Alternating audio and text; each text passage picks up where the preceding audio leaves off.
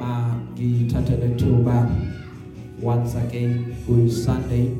Ngibingelele kunina bazalwane. Sibonga baba uNkulunkulu ngokuba aphinde namhlanje avule umnyango. Sizohlanganyela kuyona le ndawo. Haleluya siyabonga. Once again ngofika nophumelela wenu hlezi njalo kuyintokozo nesibusiso kithina bazalwane. Haleluya siyabingelela kubazalwane ababukela live ku Facebook ngelihle igama lenkosi. Sibonge ukuthi namhlanje they've joined us kule hlelo kule sermon yanamhlanje bazalwane. Haleluya eh sibonge kubazalwane ababukela ku YouTube ngelihle igama lenkosi yethu Jesu. Haleluya siyabonga nakubazalwane abalalela ama audio ethu whether be it ama podcast or ama audio esiwathumela ku WhatsApp ngelihle igama lenkosi yethu Jesu. Haleluya last week bazalwane siqale uhambo that we we we, we don't know ukuthi losiqhuba isikhathi esingakanani whereby sikhuluma about umnikelo bazalwane makabonga Jesu. So namhlanje we are going to dwell deeper and deeper and deeper and deeper ngosizwa inkosi hallelujah. Sizothola ufunda kwezwi lenkosi. Eindaweni entathu eBhayibhelini namhlanje bazalwane. Angivamsileke ukukwenza ngalendlela kepha ke umoya uphephetha la uthanda khona makabongwe Jesu. Sizofunda uGenesis chapter 22 ama verse esizowafunda iverse laka 5 iverse laka 7 and 8 siyo sehle siyofunda u12 siyoma evesini laka 14 and then siphinde sifunde incwadi ka Genesis chapter 4 ama verse 1 siyoma evesini laka 7 sibese siyofunda incwadi yamaHebheru Hebrews chapter 11 verses 17 to verse 19 makabonga Jesu. Sizovala thina sonke amehlo bazalwane bese ngiyakhuleka. Baba nanti izwi lakho lingoqobo liyaphila liphefumulelwe nguwe. Khuluma ngalo namhlanje usuthise umphefumulo wethu. uNkulunkulu wami sithi njengenhluzeka yomela amanzi kanjalo umoya umphefumulo wethu womele wena uNkulunkulu ziveze uyibonakalise kuyona le ndawo ziveze uyibonakalise Nkosi empilweni zethu egameni lika Jesu waseNazaretha. Uphinde Nkosi khazibulisa uJesu lo inkosi yethu. Amen. Haleluya eh ngiyacela ke eh make dlamini usifundele Genesis chapter 22 iverse 5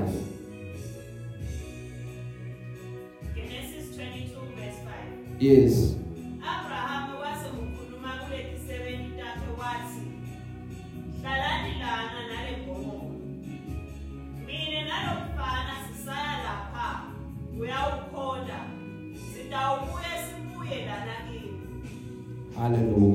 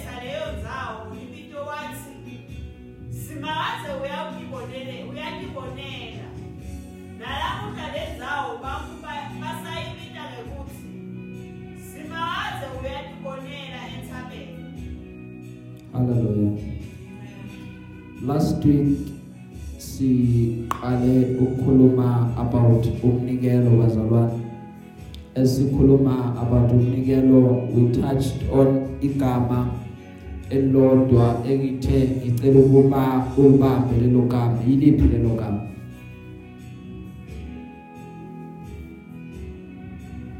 Bona ukuthi abazalwane bakhona liyaphasa yiclass lethu. Haleluya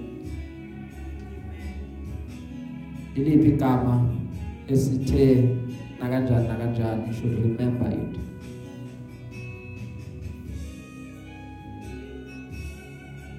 Okay angiyuleke lapho. Last week besifunda iphi incwadi bazalwane?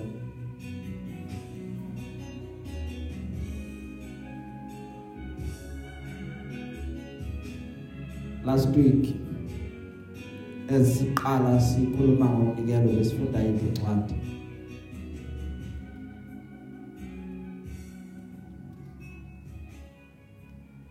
i1 nje incwadi sifunde last week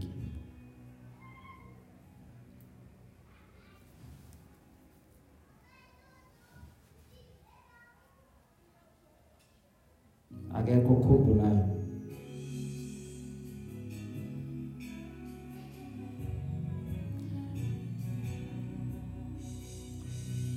last week what became evident as we recap ukuthi umnikelo awuhambi wodwa kunento eyayikhona noma uyisibekele. Umnikelo usibekelwa isacrifice. Haleluya ngathi esikhuluma ngomnikelo leli gama elithi sacrifice kumele lihlale at the back of your mind ukuthi awunikeli without a sacrifice. Fanele ukuthi mawunikela kube nento that othi ngiyayi sacrifice hallelujah. Now kuleli viki sifunda incwadi kaGenesis chapter 22 esikutholayo kuyona lencwadi ukuthi istory ngalendlela iBhayibheli lisichaza ngayo. Siyafana nale ndaba ebekade sifunda last week. Haleluya bazalwane. Yokuthi ngokuba uNkulunkulu walithanda izwe kangaka waziwanikela ngendodana yakhe ezelwe yodwa ukuba ilona lokholwa iyona ngabhubhe kepha abe nokuphila kube kuphakade so la sifunda khona uAbraham okokuqala uma ufunda incwadi ephambili akanandodana uNkulunkulu uthi kuyena Abraham ngizokupha indodana lithi iBhayibheli benza izaba ke ukuthi bathole indodana. Bayithola indodana but bengasiyo eyecebo lakaNkuluNkulu. Uma bethola uIshmael he was in part of God's plan for bona now uma sebamtholile uIshmael again uSara into ayewayenza naye ukuthi wasacrifice umuntu isigcila sakhe. Wathi isigcila sakhe uAbraham akangene kusona so that kuzovela kuzozalwa indodana. Haleluya bazalwane. Now la sifunda khona that is why esiqhubeka sikhuluma about umnikelo uyibambe indaba ye sacrifice because there is no giving bazalwane kukho umnikelo noma ungabuka ngayiphi indlela ngaphandle kwe sacrifice hallelujah. Now lasifunda khona ke indodana yecebo lenkosi iyazalwa. Uma izalwa igama layo uIsaac uIsaac. Uma sezele uyakhula uIsaac uma sekhulile uIsaac lithi iBhayibheli uNkulunkulu wakhuluma lankamazwi wathi Abra Abraham ufuna uqonda ukuthi inzalo yakhe yobalelwa kuIsaac. Hallelujah. Konke yokuthola it will come through uIsaac. The very same uNkulunkulu the very same God. Uyabuya. Uthi thatha uIsaac uye eMoria. Mawufike eMoria kunentaba ngiyakukhomba yona ufike unikele ngayo. uNkulunkulu ukusho njani ukuthi athathe the only son anayo ayiqhenya ngayo? Ayithathe izelwe yona yodwa ayonikela ngayo ayokwenza umhlatshelo ngayo. Haleluya now lithi ke iBhayibheli la sifunda khona akazange abuze imbuzo athi Nkosi why ukhetha ukuthi ngithathe uIsaka ngiyonikela ngaye? Nkosi why why why why? But lithi iBhayibheli wabophela idonki lakhe. Wathatha inceku zakhe wathi asambeni wathatha uIsaka wahamba naye. Lithi iBhayibheli la sifunda khona uthi uAbraham ku verse 5 hlalani la utshela ingceku zakhe. Thina mina nomfana sisayokhonza lapha sizokuba now lithi iBhayibheli uma liqhubeka umfana uyabuza ukuthi baba nawulilo?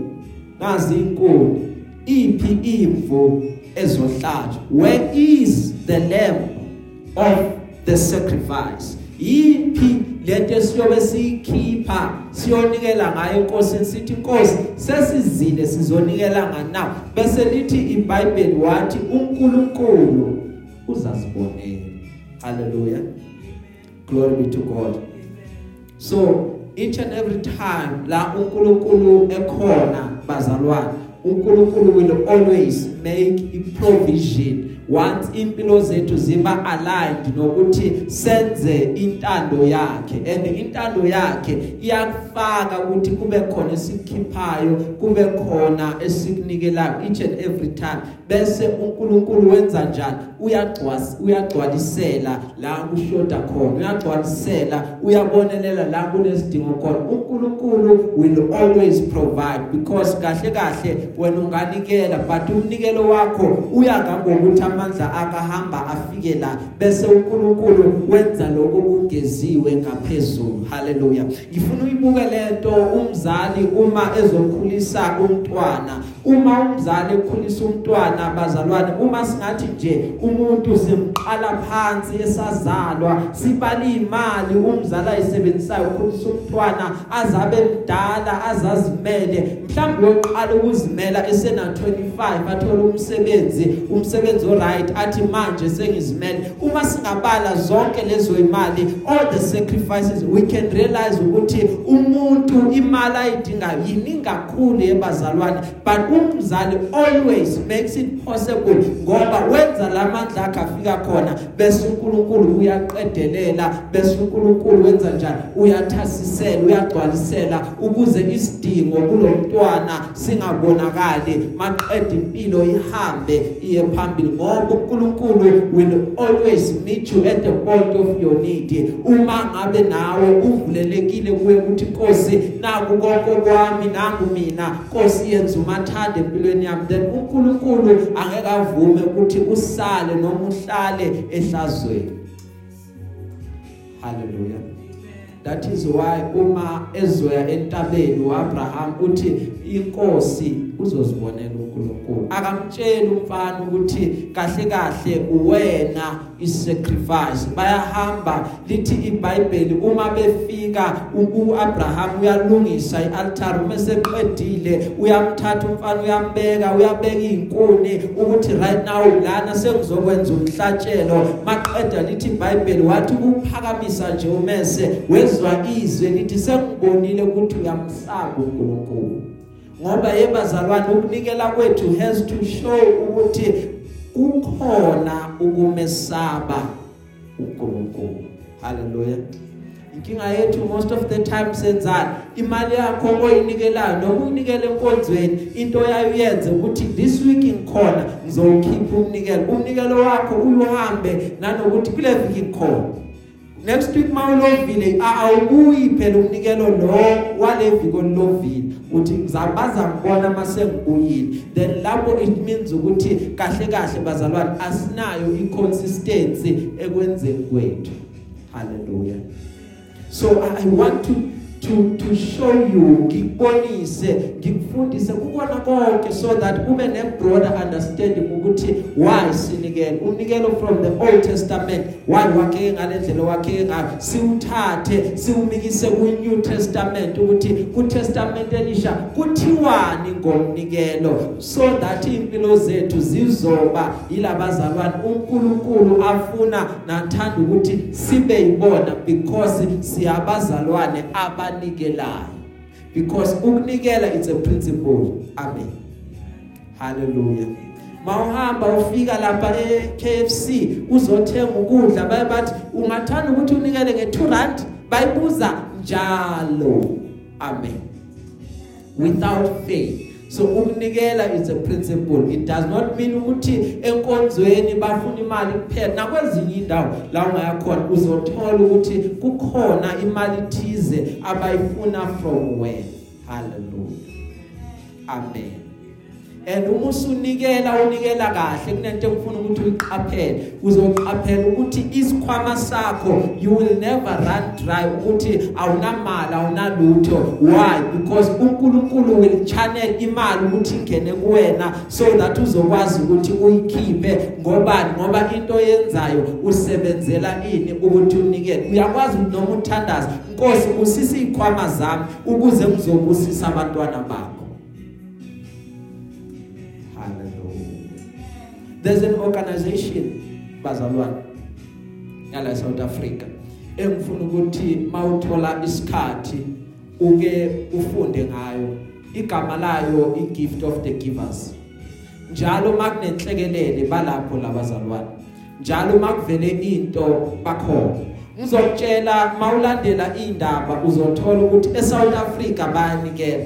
Kumazwe anezimpi umazwe angaphandle bayaphuma. Uze kuthiwe isukile indiza la eSouth Africa eOR Tambo yaya eKhatham mhlambe kuneball kunendlala iyokhipha izinto iyonikela igift of the givers. Angicabanga ukuthi ekuphileni kwethu konke siyoke sizwe ukuthi igift of the givers ayisana mali ngoba they've made it their principle ukuthi siyakhipha siyanikela la kunesimo khona uzobona ngathi sikhipha sinikela ingoba nebandla kahle kahle yebazalwane lidalelwe lokuthi ibandla kube ibandla elinikelayo amen.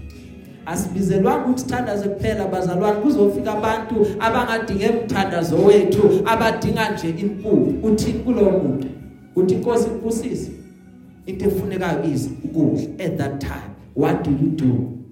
Njengebandla. Hallelujah. Now lithi ke iBhayibheli uma silifunda ithi ngelosi ungabeka isandla kuyena ungamthinti because uNkulunkulu usebonile ukuthi wena uyamsaba uNkulunkulu. Lithi iBhayibheli uma uAbraham ephakamisa amehlo wabona hawunayinqama ibambeke ibhajwe esihlahleni. Ngeningi ilanga bazalwane uma inkosi ingivumela ngiyoke ngikhulume about ama blessing abanjiwe. Abajiwe haleluya like uma uyibuka le ndaba nangumfana lana lithi iBhayibheli wathi uma ephakamisa amehlo sethole igama elithi umfana ungamlimazi. Lithi iBhayibheli wabona iprovision kaNkuluNkulu. Yena kanye lo othe uNkulunkulu uzozibonela uNkulunkulu will provide. But that provision uma iza ibibanjiwe ibibhajiwe esihlahleni. Okusho ukuthi ibingakwazi ukuhamba. Okusho ukuthi lithi iBhayibheli uAbraham wasuka wathatha inqama ebhaji wenza ngayo umhlatshelo ngoba la afike khona is a place of sacrifice. Ubengakwazi ukujika engenzanga umhlatshelo. Bedinge ukuthi kube khona umhlatshelo azowenza. So uNkulunkulu provided inqama ukuze azonikela ngakuba leyo nqama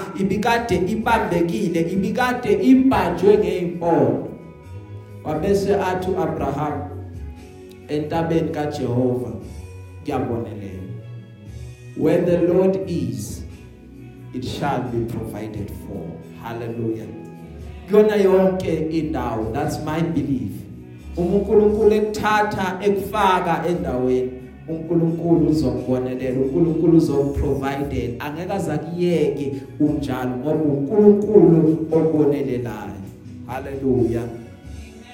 Bamdlamini Genesis chapter 4 verses 1 to 7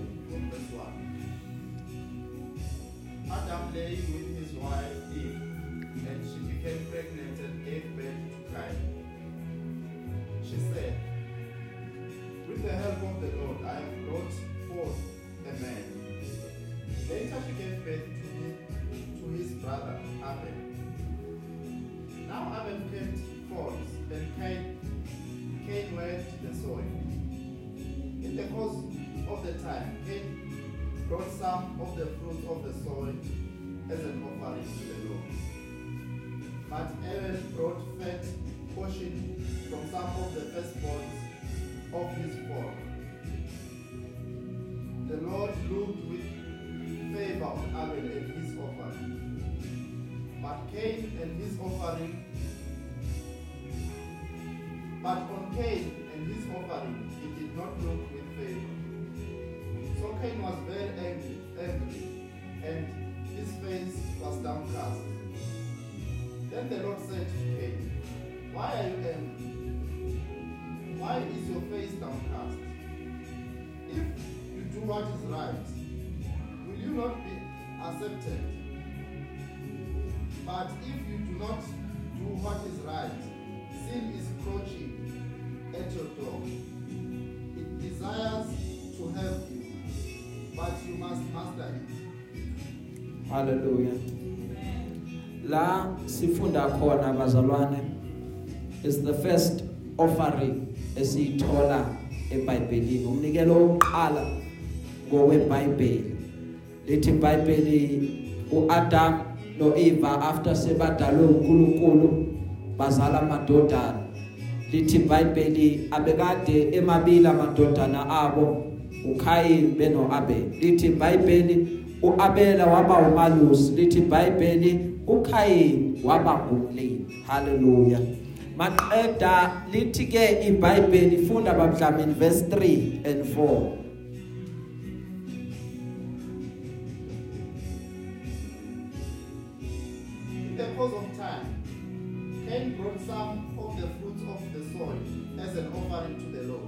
Lord. haleluya ngifuna uunderline lapho lithi iBhayibheli he brought some amen. Waletha amanye onomunye umnikelo. In other words uma ngizoyibhekela ngizothi umnikelo nje. Amen bazalwane. Funda uverse 4 bamhlambeni But Abel brought fat portion from some of the firstborn of his flock.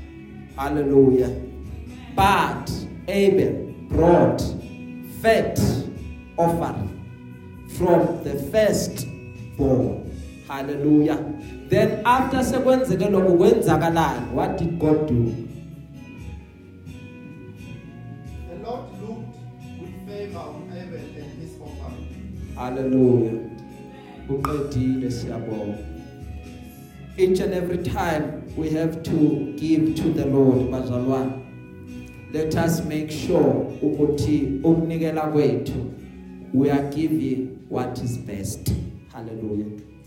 Uma ulifunda iBhayibheli noma ungayibuka kanjani le ndaba noma ungathini kunama arguments sizongena kuona during the course of time ukuthi bathi testamentini elisha umnikelo eh, ngazuthi awusasebenzi awusathathwa into kuningi nje yebazalwane eh, ukuthi hayi manje eh, uNkulunkulu akawuforce umnikelo. Sizongena konke kukona lokho but into engifuna ukuthi uyiqaphele eBhayibhelini into that remains njengoba ihlala injalo ukuthi when it comes to umnikelo you have to give your best. Whatever that you have make sure ukuthi this is my best. Lokho kuyokusiza mntaka baba ukuthi nakwezinye indawo zempilo yakho ungarobi uzinikeze what is best. Hallelujah. Because sifuna ukwakha ibandla sifuna ukwakha abazalwane abaziyo ukuthi lokho engumikisa enkosini this is my best. Uma ngabuzwa ukuthi la bekade ngenzani then i can account and say ukuthi inkosi ngakunikeza ubest wami. Hallelujah. So that is why each and every time konke that which you are giving to inkosi you must ask yourself ukuthi ingabe uNkulunkulu uyathokoza yini ngaloko engikulethe kuyena? Ingabe uNkulunkulu uyathokoza yini ngeservice engiyiletha kuyena? Yebo ngiyakhonza ngiyakholwa but is God pleased ngendlela mina engenza ngayo ngoba bazalwane asenzi i-repetition yokuthi senze into eyi-one each and every Sunday ukuthi I'm just doing it and ngidlulisa isikhathi nje I'm just passing time. But senzele ukuthi izulu lithokoze ngawo. So fanele ukuthi udecide from engqondweni yakho ungakasuki nokusuka ekhaya ukuthi namhlanje I want to give God my best. Even apart from umnikelo engizowuletha anginoma ngifikile enkonzweni let me give uNkulunkulu best wami uyu best wakho lo. Usho ukuthi this is my best. Hallelujah.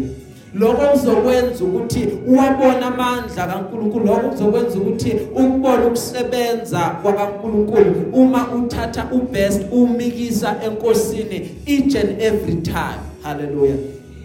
Now lithi iBhayibheli uma uAbele semixile ubest uNkulunkulu wabuka kuyena wathi yazini lo omnikelile umnikelo wakhe ngiyawamkela yiwona uwakhuphuka waye enkosini njengephunga elinuka kamnandi uNkulunkulu wawamkela but uKhayini wakhe umnikelo uNkulunkulu azange azawamkela wathi a lo akuveli from enhlizweni ngoba ukunikela kwethu bazalwane it should come from deep within inhliziyo every time. Haleluya into into eyenza ukuthi umuntu anikele naye ilokhuza ukuthi lo anikela kuyena umazi kangakanani.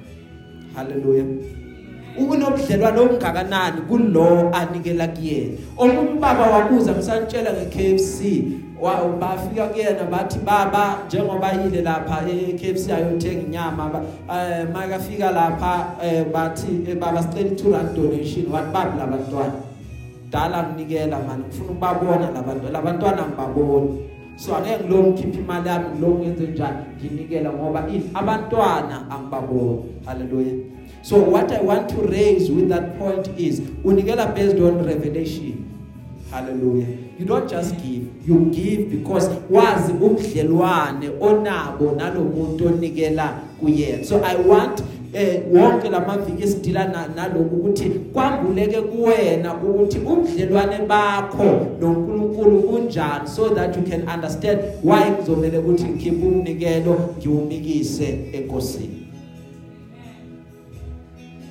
Now lithi iBhayibheli uma uKhayini ethukuthele ukuthi wami unikela wamkeleki but wamfowethu uyamkeleka uAbel ngoba uAbel uthole ifavor lithi iBhayibheli wakwada umekwada uthi uNkulunkulu kuyena njengoba ukwatile ngalendlela ukwate ngayo ngifuna wazi Khayini ukuthi isono simi eminyango and isono ngalendlela esingayo kuwena. Sifuna ukuba sikunqobe but wena you must master it. Wena fanele ukuthi ubuse ngaphezulu kwesono ngoba ngoba each and every time yebazalwane sibona ngazuthi asamkeleki once sinikelile kuba khona isono esifuna ukungena empilweni zethu ngoba into edirector yonke leyo nto leyo ukuthi ama actions ethu abe right yini kwaseqaleni abantu zobakwatela uma bebusiswa uNkulunkulu ebaphakamisa kanti they found the secret ukuthi when i come to God here i am ngizokhipha umnikelo wami nginikele bese wena uyakwata and you are not doing the same njengoba bona benza. Hallelujah. Amen. Now that is why yebazalwane because into engifuna ukuthi uyiunderstand uyiqonde. Kunabantu abahambe noNkulunkulu ngezwe ke mina bakhuluma balokhu bexoxa athi umuntu uNkulunkulu ngalendlela angayo. Uyakwazi bekakwazi ukuthi afike kule minyaka edlule kule ikhathi zamatende bathi uNkulunkulu efika kuwena athi thatha le moto uyonikela ngayo. Ucabanga imoto yami ngiyithanda kangaka. Inkosi yinde ongicela yona. But lo muntu ayithatha imoto awunikela ngayo. Why? Because of the relationship anayo noNkulunkulu. Bese uNkulunkulu enze njani? Amuphe a better car. Kunale ayikhiphile wayonikela ngayo. So you understand ukuthi igiving is by relationship. Ungawuthatha umuzi wakho uNkulunkulu ekuyali lathi? Nikela ngalo muzi so that you can get something better. Hallelujah. But you cannot give until you have an understanding. And into engifuna ukuthi uyiqonde uyiunderstand. Angithi hamba unikela ngemoto yakho uzwe kahle. Angithi amonikela ngomuzi wakho. But i'm saying umuntu obe na that personal relationship into inkosi yamqhuba weza ukuthi uthi manje uNkulunkulu ngithathe lokhu nginikele ngawo kuyenzeka yebazalwane. Haleluya omunye aklini wardrobe yakhe athatha impahla. Eh, vele abantu baza akumelanga ukuthi sibanikelele ngamaratha into nawo ungasayidingi. uNkulunkulu ayala umuntu athi le bunch lakho motha uyalithanda ugcoka every sunday. Hamba unikela akukhomba umuntu athi nangomuntu hangithatha uyomnika.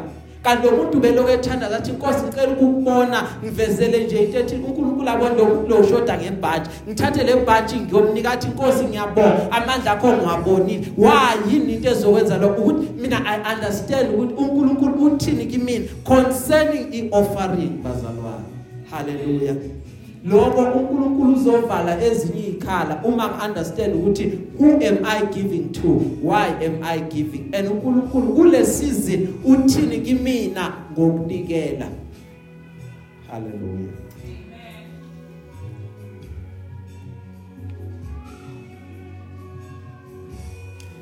Ngifuna ukuthi kuwena namhlanje sengigcina thatha umnikelo wakho.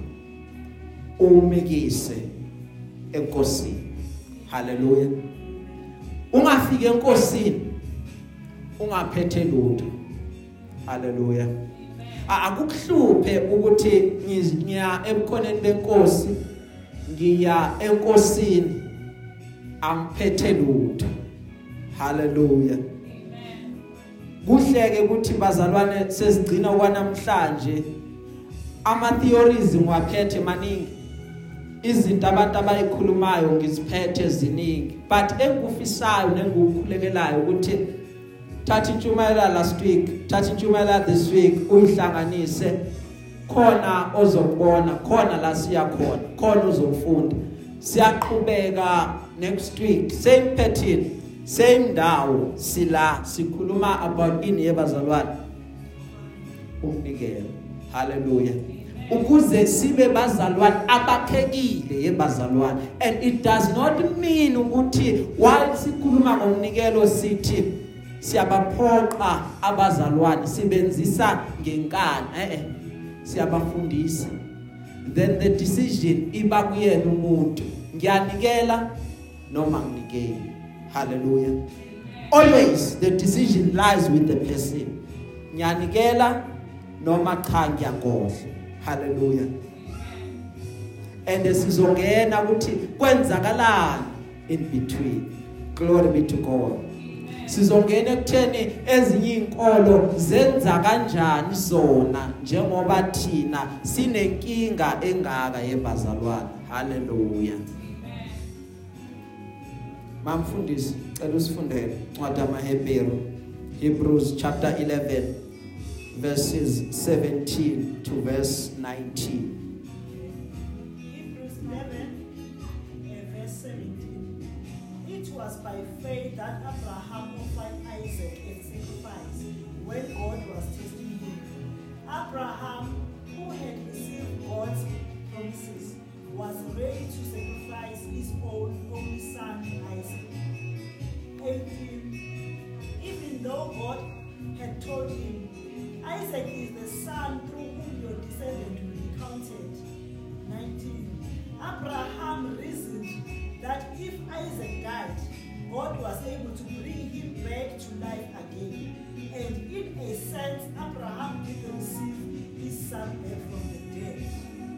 Hallelujah. Amen.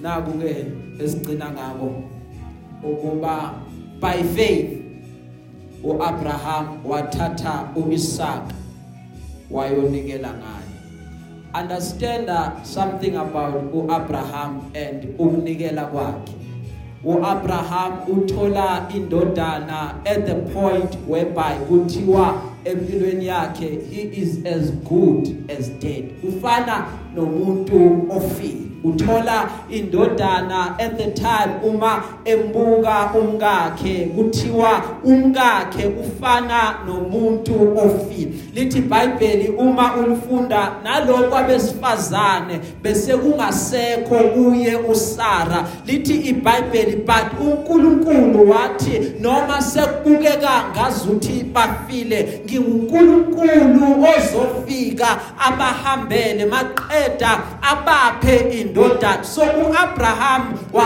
understand ukuthi le ndodana ngiyithole kanjani ngiyithole at the point la sengibona khona ukuthi mina sengifile ngithole at the point whereby ngibona umkami ukuthi nomkami naye usefile. Wathi uNkulunkulu umeyicela leyo ndodana wa understand ukuthi le ndodana i got it from uNkulunkulu. So ngiyayithatha ngiyayibuyisela futhi kuyena uNkulunkulu because aqonda into eyodwa ukuthi uma uNkulunkulu afuna uIsaac abe yisacrifice. The very same God engimkhonzayo uyakwazi ukuthi amvuse. Yize sekafile. That is why there was no question ukuthi Nkosi uthini kumina Nkosi why ucela lokhu kumina he understood ukuthi uNkulunkulu is able ukuthi avuse nabantu abafile. Lithi iBhayibheli ngoba wamthatha wayombeka ealtar in a sense bekufana nokuthi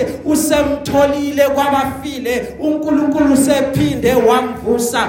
Understand ukuthi uNkulunkulu bekade emcela ini ubekade emcela ukuthi Abraham unendodana eyodwa but Abraham ukuze le ndodana izomultiplyeka you need to take lo mntwana uyokwenza a sacrifice because it is a sacrifice eyenza in multiplication. Once sacrifice has been done once sacrifice has been made indodana eyodwa yaba multiplied into amadodana amaningi. Inzalo kaAbraham yakhula ngendodana eyodwa. Nginako ucabanga ukuthi uma uAbraham bengayithathanga wayoyibeka ealtare bengeke ize iyande inzalo yakhe. Noma sekukhulunyiwe however into eyaprompta even uNkulunkulu to act it is because wabona ukuthi uyamsaba ngempela. Wathi lokho acelile ngoba kulethile altar lami. That is when i'm going to bless him. Hallelujah. Hallelujah. Glory be to wathatha indodana sesiqedile bazalwane wathatha lokhu okuyigugu kuyena wayobeka ealtar. Waqonda ukuthi angeke umikise into kuJehova ubuyele emuva ungaphethe lutho. Angeke uthathe into uyimikise enkosini ubuyele emuva sewushoda uNkulunkulu uzovala konke la udinga khona. Because uNkulunkulu othembekile. Makabongo Jesu.